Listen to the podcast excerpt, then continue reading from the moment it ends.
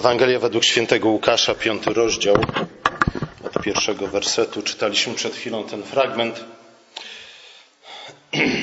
Piotr już wcześniej spotkał Jezusa, to nie było ich pierwsze spotkanie. W czwartym rozdziale czytamy o tym, jak Jezus na samym początku swojej służby uzdrowił teściową Piotra i nie tylko ją, ale wiele osób. Może właśnie dlatego, kiedy Jezus przyszedł do Piotra, Piotr posłuchał go i wypłynął jeszcze raz na jezioro i zarzucił jeszcze raz sieć, choć na pierwszy rzut oka nie miało to nic wspólnego ze zdrowym rozsądkiem. Doświadczenie jest dobre, zdrowy rozsądek jest dobry, a jednak nie mogą być naszymi jedynymi przewodnikami w życiu. Ze zdroworozsądkowego punktu widzenia to, co Jezus kazał uczynić Piotrowi, było czystym absurdem, kompletną stratą czasu, pieniędzy i czego tam jeszcze na jeziorze Genezaret, zresztą nie tylko na nim, ale tam na tym jeziorze łowiono ryby tylko nocą. Niektórzy twierdzą, że było tak ze względu nie tylko na temperatury, ale także ze względu na rodzaj sieci, które używano, które po prostu w dzień były zbyt widoczne.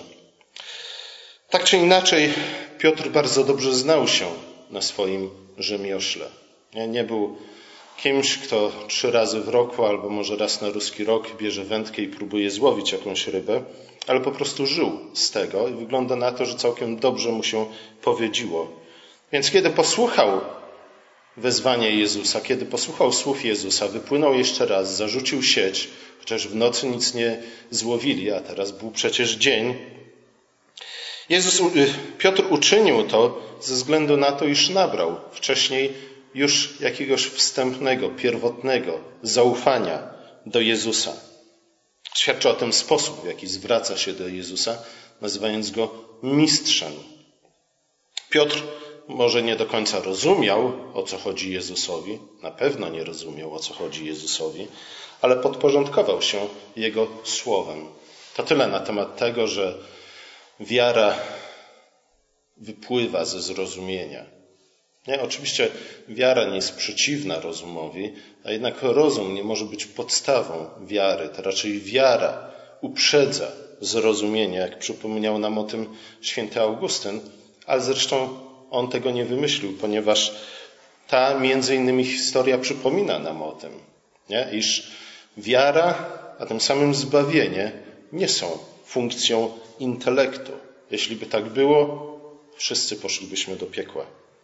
Szybko okazało się, że posłuszeństwo Jezusowi, nawet w obliczu żądania jawiącego się jako całkowicie absurdalne, przynosi owoce. Nie? To też nie jest nic nowego.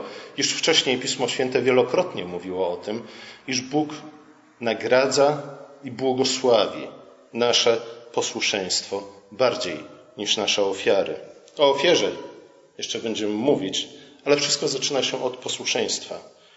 Cud oczywiście polegał nie tylko i wyłącznie na tym, że po nieudanych łowach w nocy cokolwiek teraz złowili, ale cud polegał przede wszystkim na tym, że połów był nienaturalnie obfity. Nawet nocą nie złowiliby tyle ryb. A więc mamy tu do czynienia z podwójnym kontrastem, po to, aby uwypuklić to, iż mamy tu do czynienia z niczym, co można wyjaśnić, wytłumaczyć jakimikolwiek naturalnymi przyczynami. Zgarnęli tak wielkie mnóstwo ryb, że sieci ich zaczynały się rwać. Oczywiście umysł, który nie jest otwarty na prawdę Bożą, zawsze będzie doszukiwał się jakichś innych, naturalistycznych wyjaśnień tych, tego i podobnych wydarzeń, ale oczywiście czyniąc to, pokazuje tylko, jak bardzo pogrążył sam siebie w nierozumności i w absurdzie. W każdym razie to właśnie doświadczenie rybackie Piotra pozwoliło mu dostrzec niewiarygodność tego wydarzenia. Gdyby Piotr nic nie wiedział na temat rybołówstwa, zwłaszcza w jeziorze Genezaret, e, pewnie by się zdziwił, ale wrażenie, jakie wywarł na nim ten połów, nie byłby tak wielki. To z kolei pokazuje nam, iż e, Pismo Święte w żaden sposób nie zachęca nas do bycia ignorantami. Nie? To doświadczenie i wiedza, jaką posiadał Piotr, zwłaszcza w dziedzinie swojego własnego powołania, pozwoliło mu pełniej docenić, pewnie też lepiej zrozumieć to, czego był świadkiem. Zdecydowanie ten połów wykraczał poza wszystko, co naturalne. W konsekwencji Piotr jeszcze lepiej zrozumiał, z kim ma do czynienia w osobie Jezusa. Nie był to tylko i wyłącznie jeden z dawnych proroków, ale sam anioł Jahwe, który wcześniej ukazywał się przywódcą, przywódcą ludu Bożego. Pamiętacie, po śmierci Mojżesza anioł Jahwe, czyli preinkarnowana, zatem Bóg, Syn przed swoim wcieleniem ukazał się właśnie Jozłemu, po to, aby upewnić, powołać go do nowego zadania po śmierci Mojżesza. Od tej pory Jozue miał być przywódcą ludu Bożego, zachęcić go i przypomnieć mu o obietnicach i powołaniu, jakim Bóg go obdarzył. Podobnie było też w przypadku Gedeona i wielu innych. Dla późniejszego apostoła, w pewnym sensie pierwszego pośród apostołów, e, była to teofania, więc objawienie samego Boga. Objawienie teofania podobna do wizji obłoku chwały pańskiej, jakie, jakiej świadkiem był między innymi prorok Izajasz. Pamiętacie szósty rozdział Księgi Izajasza. Prorok Izajasz znajduje się w świątyni pańskiej, tam właśnie dostąpił teofania, więc objawienia Bożego. Bóg w swoim obłoku chwały objawił mu się. Pamiętamy, w jaki sposób prorok zareagował. Piotr reaguje w podobny sposób. Izajasz, widząc, iż jest w bezpośredniej obecności świętego Boga, chwały Bożej, powiedział, w zasadzie wykrzyczał: Biada mi, jestem zgubiony. Wszak jestem mężem o nieczystych wargach i mieszkam pośród ludu o nieczystych wargach, a oczy moje oglądały króla, pana zastępów. Piotr w gruncie rzeczy zachował się bardzo podobnie ponieważ widząc oczywisty cud, widząc e, przejaw chwały Bożej, wiedząc, że w osobie Chrystusa ma do czynienia z obłokiem chwały Bożej, z obecnością samego Stwórcy, pada przed nim na twarz, co nie jest tylko i wyłącznie wyznaniem, jakiegoś, okazaniem jakiegoś szacunku, ale jest to akt czysto kultyczny, czy też liturgiczny. To przed Bogiem i tylko przed Bogiem należy padać na twarz. Piotr pada zatem przed Chrystusem na twarz i mówi: Odejdź ode mnie, Panie, bo jestem człowiek grzeszny. I jeden i drugi, i Izajasz, i Piotr wiedzieli bardzo dobrze, co czeka grzesznego człowieka, gdy spotka się z samym Bogiem, ze swoim Stwórcą, gdy znajdzie się w obecności obłoku chwały Bożej jako grzesznik. Nie? To spotkanie jest, wiąże się ze śmiertelnym niebezpieczeństwem. Nie dla Boga, ale dla grzesznika. Reakcja Piotra była trochę inna niż, a może nawet zdecydowanie inna niż reakcja tłumów, tłumów Kafarnaum. O tym czytamy w czwartym, w poprzednim rozdziale Ewangelii. Tłumów Kafarnaum, który widząc cuda Jezusa, nie? a więc znajdując się w sytuacji podobnej do tej, w której znalazł się znalazł się Piotr, tłum w Kafarnaum, widząc cuda Jezusa, chciał zatrzymać go dla siebie. Mieszkańcy miasta potraktowali Jezusa w sposób przedmiotowy, a nie podmiotowy.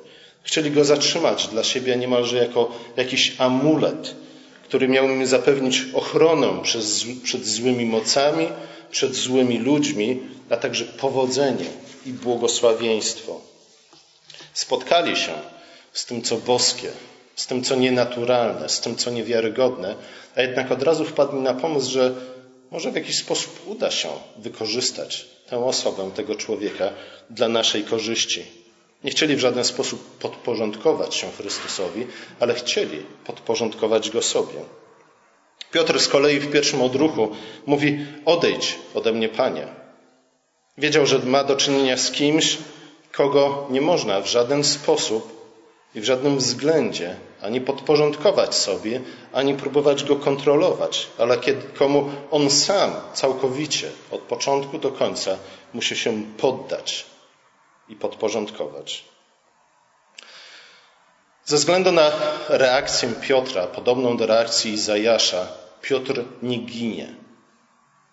Ze względu na swoje wyznanie grzechów, Piotr otrzymuje absolucję, tak jak my otrzymaliśmy to zapewnienie o przebaczeniu naszych grzechów na początku naszego, naszego nabożeństwa, po to, abyśmy mogli z odwagą i z radością przystąpić do stołu Pańskiego, po to, abyśmy mogli z odwagą i z radością spożywać ciało i pić krew naszego Pana Jezusa, Jezusa Chrystusa, po to, abyśmy mogli z radością i z odwagą, a także z wielką nadzieją zbliżyć się do ciała Chrystusa, a więc do siebie nawzajem.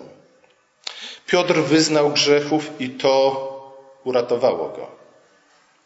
Otrzymuje absolucję, ale otrzymuje też coś innego oprócz absolucji. Kiedy przychodzimy do, nasz, do na nabożeństwo, kiedy przychodzimy do Chrystusa, przebaczenie grzechów nie jest wszystkim, co On nam daje jest początkiem zaledwie, jest pierwszym z darów, a zatem chwałą. Ze względu na grzech utraciliśmy chwałę Bożą. W absolucji otrzymujemy ją ponownie, ale nie jest to ostatni dar, jaki otrzymujemy od naszego Pana. Piotr otrzymał nowe powołanie. Piotr otrzymał też nowe życie.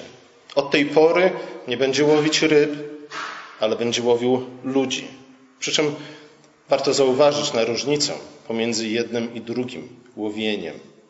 Piotr łowił ryby po to, aby je zjeść, zabić i zjeść, ewentualnie sprzedać, czy też wymienić na coś innego. Greckie słowo, które tutaj się pojawia w odniesieniu do łowienia ludzi, jest trochę innym słowem, o trochę innym znaczeniu. Oznacza łapanie czegoś żywcem. I w tym kontekście oczywiście wiemy, że Piotr ma łowić ludzi nie po to, aby ich zjeść, tak jak Herodowie żyli, żywiąc się swoim ludem, e, będąc, co prawda, metaforycznymi, ale jednak kanibalami. Takimi są pogańscy władcy tego świata i potem poznać, czy ktoś jest chrześcijańskim, czy też pogańskim władcą. Czy jest kanibalem, niezależnie od tego, czy dosłownym, czy też metaforycznym, czy też raczej łowi ludzi po to, aby darować im nowe życie. Czy jest tym, który przynosi wolność, czy też raczej jest tym, który zniewala. Nie, tu oczywiście możemy mówić o pewnym paradoksie ze względu na to, że z jednej strony powiedzieliśmy przed chwilą, iż przyjście do Chrystusa oznacza całkowite, całkowite poddanie się Jemu. Nie? A więc z jednej strony stajemy się niewolnikami, ale z drugiej strony mówimy o tym, iż właśnie to zniewolenie jest drogą do wolności, a w zasadzie jest wolnością. Zniewolenie nie jest identyczne z tą wolnością, ale bez tego zniewolenia przez Boga nigdy nie otrzymamy prawdziwej wolności, nie tylko wolności od grzechu, ale przede wszystkim wolności ku życiu prawdziwemu, pełnemu życiu dla Boga. Wielki połów ryb był nie tylko teofanią dla Piotra, ale był także znakiem proroczym, który zapowiadał zarówno charakter, jak i owoce, skutki nowego powołania Piotra.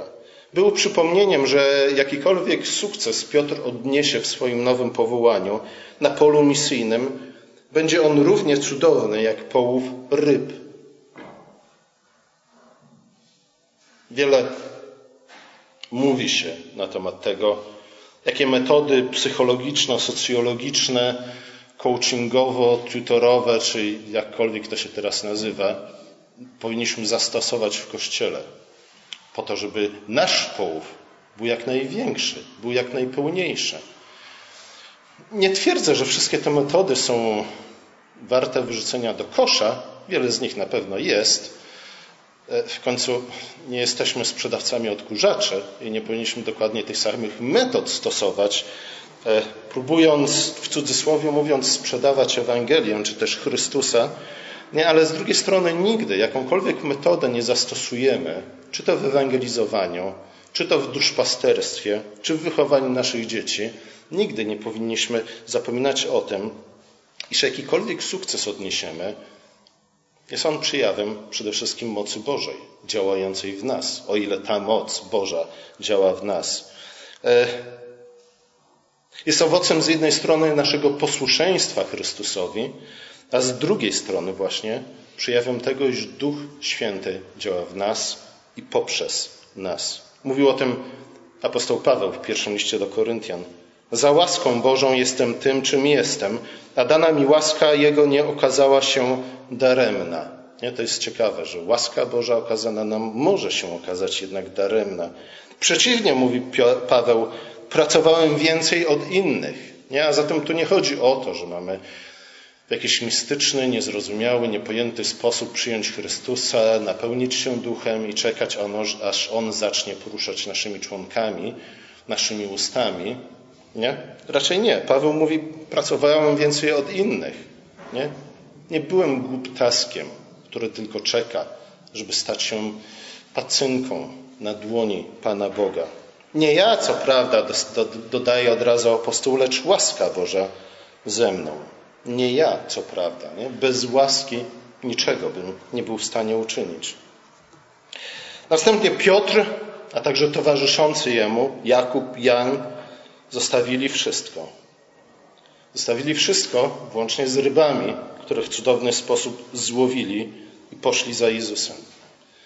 I od tej pory żyli długo i szczęśliwie. Zamieszkali w pięknym pałacu, w pięknej dolinie górskiej, nad piękną rzeką, w takim Rivendell. Nigdy nie odczuwali głodu, nigdy nie gnębiły ich żadne choroby, nigdy nie natyskiwali ich ani źli ludzie, ani złe duchy. Żadne zło nie miało od tej pory do nich dostępu. Tak? Nie. Ale jeśli tak wyobrażamy sobie chrześcijaństwo, to oznacza, iż bardzo niewiele wiemy o chrześcijaństwie i powinniśmy jeszcze raz przeczytać Biblię i to najlepiej od początku do końca, nie pomijając wszystkich genealogii. E, w gruncie rzeczy dopiero w tym momencie zaczęły się problemy Piotra, Jakuba i Jana. Nie? Do tej pory nie byli bogaczami. Do tej pory może musieli od czasu do czasu chodzić do dentysty, nie? ale w gruncie rzeczy wiedli ciche i spokojne życie. Od tej pory można by powiedzieć, że wszelkie nieszczęścia dopiero spadły na nich. Jeden z komentatorów sugeruje nawet, że gdyby Piotr przewidział to wszystko, co wydarzy się w ciągu następnych na przykład trzech lat, być może jeszcze raz powtórzyłby słowa: Odejdź ode mnie, Panie. Tym razem jednak w innym znaczeniu. Nie w tym znaczeniu, że Panie, Ty jesteś święty, ja jestem grzeszny, więc nie chcę zbytnio zbliżyć się do Ciebie, zanim Ty mnie nie oczyścisz, ale raczej w tym sensie, Panie, może nie dawaj mi tego wszystkiego, co chcesz, nie? Może nie czyń w moim życiu tego wszystkiego, co zaplanowałeś do mnie, dla mnie, ze względu na to, że doskonale zdaję sobie sprawę z tego, iż często będzie to nieprzyjemne, często będzie to bolesne, czasami wręcz będzie to tragiczne. A jednak Piotr tak nie czyni. Dlaczego? Może nie wiedział. Może gdyby wiedział, zachowałby się inaczej. Może dlatego Pan Bóg nie mówi nam, co spotka nas za rok, za trzy lata, za dziesięć lat. Nie, może właśnie dlatego, z innej strony, aby pobudzić nas do wiary i zaufaniu Jego Słowu, w oparciu o to, co już wiemy na Jego temat, a z drugiej strony może dlatego, aby nas nie przestraszyć. Być może teraz nie jesteśmy w stanie przyjąć nawet do wiadomości tego, co czeka nas za trzy lata. Może za trzy lata też nie będziemy na to gotowi. Ale może przez to doświadczenie, nie? i cały czas pamiętajcie tutaj o Piotrze, może przez to doświadczenie jednak jakieś nowe dobro pojawi się w naszym życiu, które inaczej nie pojawiłoby się w nim w żaden inny sposób. Pójście za Jezusem to coś innego niż często sobie wyobrażamy. Wiąże się nie tylko z koniecznością porzucenia wszystkiego, ale również z koniecznością noszenia krzyża, a nawet pójścia na krzyż. Nie krzyża, jakim sami sobie wybierzemy, ale krzyża, jaki On dla nas wybierze. Bonhoeffer stwierdził kiedyś, że kiedy Bóg powołuje człowieka do życia, to w pierwszej kolejności powołuje go do śmierci. Nie? Najpierw musimy umrzeć, po to, abyśmy zmartwychwstali. Śmierć prowadzi do nowego życia. Nie? I widzimy to już w tym pierwszym wyznaniu Piotra. Odejdź ode mnie, Panie, bo jestem grzesznikiem. Kiedy wyznajemy nasze grzechy i kiedy otrzymujemy absolucję, jest to jedno właśnie z tych wielu śmierci i zmartwychwstań, jakie doświadczamy w naszym życiu, które wyznacza rytm całego naszego życia. Kiedy Bóg powołuje człowieka, to powołuje go do śmierci, gdyż nie ma innej drogi do życia, jak tylko przez śmierć. Jeśli kto chce iść za mną, mówi Jezus, niech się zaprze samego siebie, niech codziennie bierze krzyż swój i niech mnie naśladuje. Bo kto chce zachować swoje życie, straci je, a kto straci swoje życie z mego powodu, ten je zachowa i tylko może ten je zachowa. Oczywiście nie znaczy to, że na wzór apostoła Piotra wszyscy mamy teraz zmienić nasze zawody. Nie? Nie oznacza to, że jak ktoś przychodzi do Chrystusa, będąc, nie wiem, na przykład szewcem albo lekarzem, albo politykiem, co się rzadko zdarza, e, musi zmienić zawód, nie? I zostać kimś innym, a już najlepiej misjonarzem. Jest takie romantyczne myślenie wśród wielu chrześcijan, zwłaszcza ewangelicznych chrześcijan, iż najlepiej to zostać właśnie misjonarzem. Nie? Iż nie ma lepszej, lepszego sposobu na służenie Bogu niż żebyśmy w jakiś sposób udzielali się bezpośrednio w Kościele. Wszystkich Was do tego zachęcam, nie? Ale, ale nie chcę, żebyśmy myśleli właśnie w taki bardzo zawężony sposób o naszym chrześcijańskim powołaniu. E, widzimy to wyraźnie w dziejach apostolskich. Nie? To wcale nie było tak, jak próbują nam wymówić niektóre organizacje misyjne, że bycie chrześcijaninem i całe życie Kościoła zaczyna się i kończy na czynieniu uczniami, rozumiane w tym sensie, że e, każdy z nas ma stać się misjonarzem nie? i produkować coraz to nowych misjonarzy. Nie? Tak jak to wygląda w niektórych firmach sprzedających to czy tamto. E, oczywiście każdy z nas głosi Chrystusa, każdy z nas głosi Ewangelię, ale czynimy to na różne sposoby. Ciało Chrystusa ma wiele różnych członków. Nie wszyscy są ustami, nie wszyscy są ustami, e, nogami. O tym powinniśmy pamiętać. Czasami zwykłe, normalne chrześcijańskie życie jest o wiele lepszym świadectwem niż najpiękniejsze, najcudowniejsze z retorycznego punktu widzenia kazania, chociaż te oczywiście wyrosły już nieco z mody, nie? E, ale moglibyśmy powiedzieć niż najlepsze, najpiękniej zagrane koncerty chciałbym powiedzieć uwielbieniowe, ale ponieważ dzisiaj po południu jest spotkanie uwielbieniowe, nie powiem tego. Słuchajcie, będąc dobrą matką, będąc dobrym ojcem, będąc dobrym szewcem, będąc dobrym lekarzem, służymy Chrystusowi, nie? I czasami właśnie to nasze stare, zawodowe powołanie Chrystus zostawia nam z różnych powodów. Może dlatego, że świat rzeczywiście potrzebuje dobrych szewców. Wyobraźcie sobie misjonarzy udających się w dalekie kraje bez dobrych butów. Kiedyś nasz rząd wysłał żołnierzy na pustynię bez dobrych butów. Jak to się skończyło? Zapytajcie się Gniewka po, po nabożeństwie. On wam dokładnie opowie. Może Królestwo Boże potrzebuje dobrych szewców, dobrych lekarzy, nie mówiąc już o dobrych politykach. W każdym razie każdy chrześcijanin, tak czy inaczej, musi cenić to swoje nowe życie w Chrystusie i nowe powołanie w Chrystusie ponad wszystko i musi być gotowym do rezygnacji ze wszystkiego, dlatego aby mieć udział w Królestwie Niebieskim. Dla kogo dostatnie, wygodne życie? Dla kogo zdrowie, tudzież kariera, sława, uznanie albo święty spokój są ważniejsze od posłuszeństwa Chrystusowi, ten, jak mówi sam Chrystus, nie jest godzien Królestwa Niebieskiego.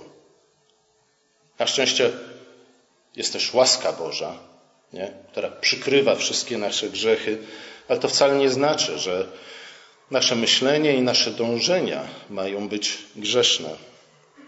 Pamiętajmy też o tym, to tak na zachętę na koniec, że skarby zgromadzone w niebie przeciwieństwie do tych ziemskich, doczesnych skarbów są niezniszczalne. To, co gromadzimy sobie tam, będzie dla nas na zawsze. Na zawsze będziemy się tym mogli radować. Tam będziemy mogli w pełni docenić, zobaczyć owoce naszej służby Chrystusowi, a raczej służby Chrystusa w nas i poprzez nas w tym świecie. Amen.